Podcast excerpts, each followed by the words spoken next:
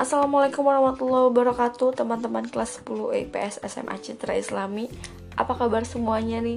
Semoga semuanya tetap sehat Tetap dalam rahmat Allah Serta dalam lindungan Allah Subhanahu wa Ta'ala. Amin Amin ya Rabbal Alamin.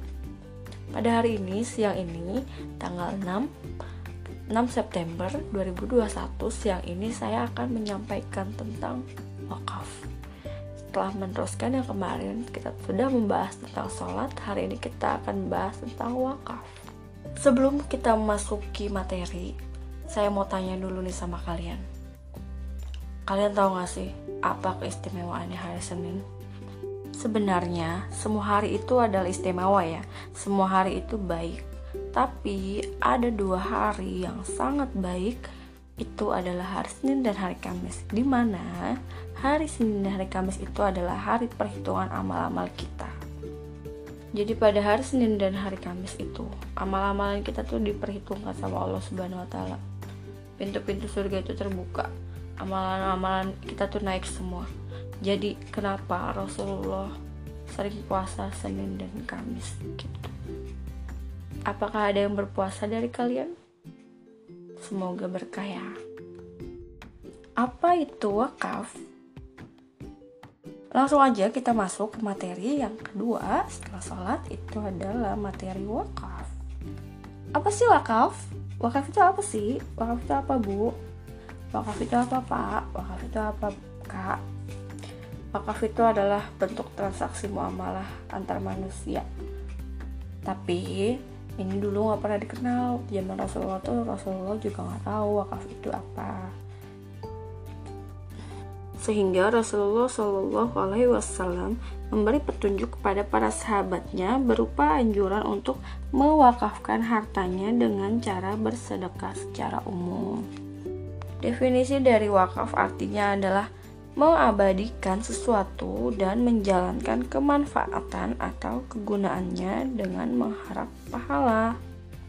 Lalu, apa hukum wakaf? Wakaf itu hukumnya sunnah atau dianjurkan, jadi tidak wajib, hanya sunnah. Dituliskan dalam hadis riwayat Muslim kitab Al-Wasiyat bab 3 nomor 1255 bunyinya seperti ini. Apabila mati anak Adam, terputuslah amalannya kecuali tiga hal, yaitu sodako jariah atau ilmu yang bisa dimanfaatkan setelahnya atau anak soleh yang mendoakan orang tuanya. Jadi garis besar di sini itu adalah ilmu yang bisa dimanfaatkan setelahnya. Jadi konteksnya wakaf di sini itu adalah hal-hal yang bisa dimanfaatkan setelahnya, walaupun itu sudah terputus dari uh, udah mati gitu. Maksudnya udah meninggal udah berpulang kepada Allah Subhanahu Wa Taala.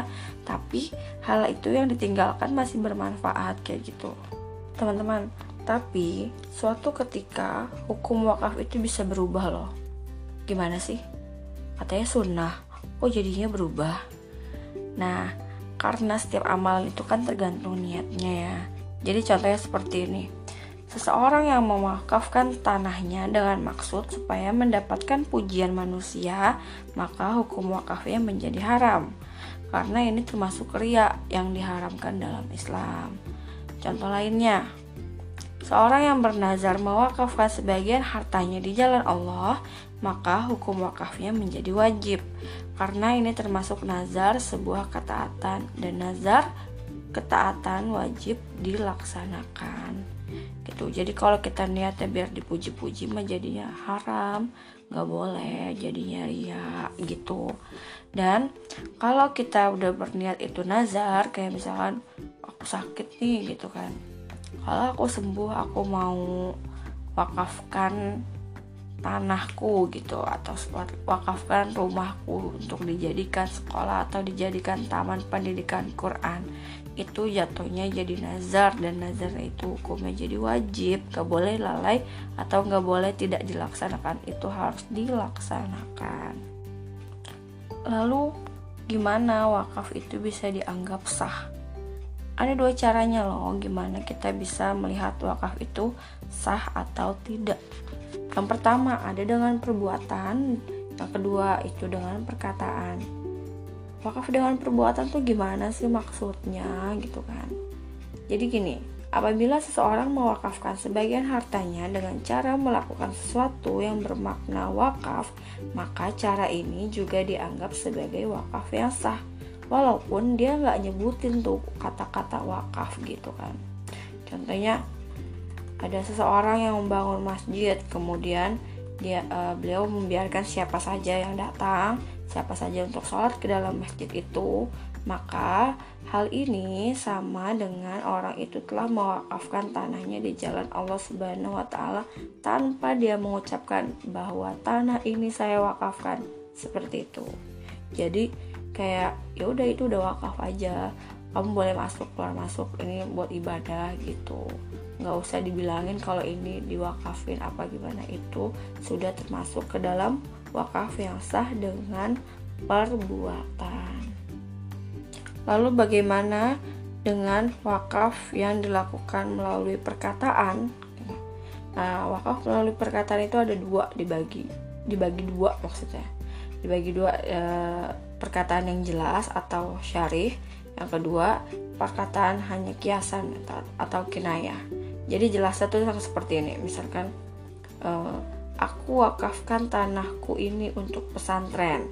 Itu uh, wakaf dengan perkataan yang jelas. Jelas disebutkan bahwa uh, ada kata wakaf di dalam omongannya itu. Dan yang kedua hanya dengan perkataan kiasan uh, jadi wakaf itu tuh ganti gitu. Jadi kayak uh, menuju kepada wakaf tapi tidak menyebutkan wakaf. Dan itu bisa disebut sebagai wakaf yang sah. Contohnya itu seperti uh, gini aku sedekahkan rumah ini untuk menuntut ilmu gitu. Jadi dia ganti kata wakaf itu dengan sedekah. Itu termasuk ke dalam wakaf yang sah melalui perkataan. Ketiga barang yang diwakafkan tetap ada dan tidak habis walaupun telah dimanfaatkan. Contohnya itu yaitu kayak rumah terus masjid. Itu kan nggak nggak bakalan habis kan. Allah itu kena bencana ya. Beda enggak yang kayak habis pakai gitu kayak baju atau makanan. Beda ya. Yang keempat hendaknya mewakafkan sesuatu di jalan Allah untuk selama-lamanya. Hal ini dikarenakan wakaf adalah mengabadikan suatu barang dan menjalankan kegunaannya di jalan Allah. Jadi, sehingga apabila mewakafkan hartanya untuk sementara aja kayak misalkan setahun atau dua tahun terus udah nggak kepake lagi atau kebuang atau gimana udah emang nggak bisa gitu kan. Itu mau namanya wakafnya nggak sah gitu. Hal ini dikarenakan makna wakaf itu adalah kan mengabadikan suatu barang dan menjalankan kegunaannya di jalan Allah.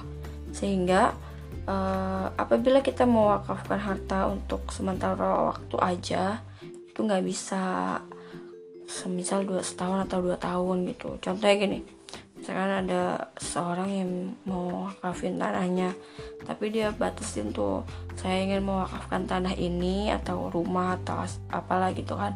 Rumah ini untuk uh, jadikan asrama selama 2 tahun. Itu nggak bisa itu namanya dia cuma ngasih sewa gratis tanpa bayar. Karena kalau wakaf uh, yang saya itu harus benar-benar itu berjalan nggak boleh terputus gitu dan yang terakhir hendaknya pemilik harta tidak memberi syarat dalam wakafnya dengan syarat yang menyelisihi sahnya wakaf atau membatalkan wakaf tersebut. Jadi misalkan gini, contohnya ada orang yang ngomong gini, aku wakafkan rumahku untuk fakir miskin dengan syarat setelah berlalu setahun rumah itu kembali menjadi milikku lagi.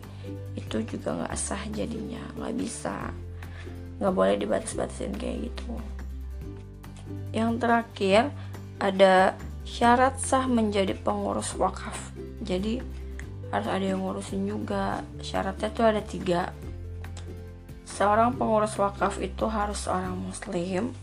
Yang kedua pengurus wakaf adalah orang yang mengerti kemaslahatan harta sehingga harta yang diwakafkan tidak segera habis atau tidak sia-sia.